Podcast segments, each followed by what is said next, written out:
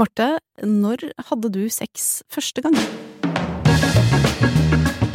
Det var det et barn jeg kjenner som spurte meg om ganske nylig. Og jeg skal innrømme at jeg skvatt litt. Um, Jeg tenkte meg om i to sekunder, men så landa jeg på at her må jeg svare ærlig. Eh, Jeg syns på en måte det inngår i, i samfunnsoppdraget da, som jeg har som voksen. Sånt bør vi kunne være åpne om til barn som spør, selv om det er litt kleint. Så jeg svarte at eh, det er jo mange måter å ha sex på. Og at jeg var over den seksuelle lavalderen, men under 20. Eh, og jeg var ikke først i venninnegjengen, men jeg var ikke sist heller. Og så understreket jeg at det var fullt samtykke, og at det er viktig. Det passer, det passer deg. Altså, det var et veldig korrekt svar. Mm. Ja, jeg syns jeg klarte den fint, faktisk. Men så fikk jeg et oppfølgingsspørsmål. For det samme barnet spurte da når hadde du sex for siste gang i livet? Veldig deilig spørsmål. Ja. Eh, og da hadde jo jeg valgt åpenhet som linje, ikke sant?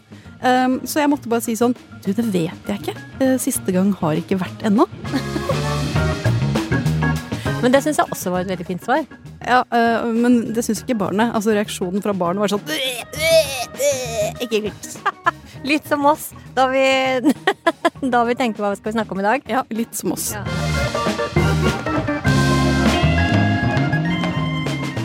Det her er 40s, altså, og ukas episode, hvis du er i tvil, handler om sex og samliv og Og singelliv.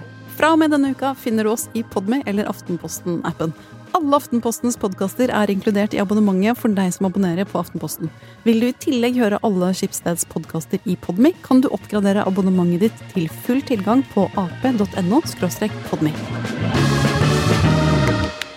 Altså er, Martin, du skal bare vite at jeg sitter her stum av beundring hver gang du klarer å lese tre linjer i manus. Så bare vit det.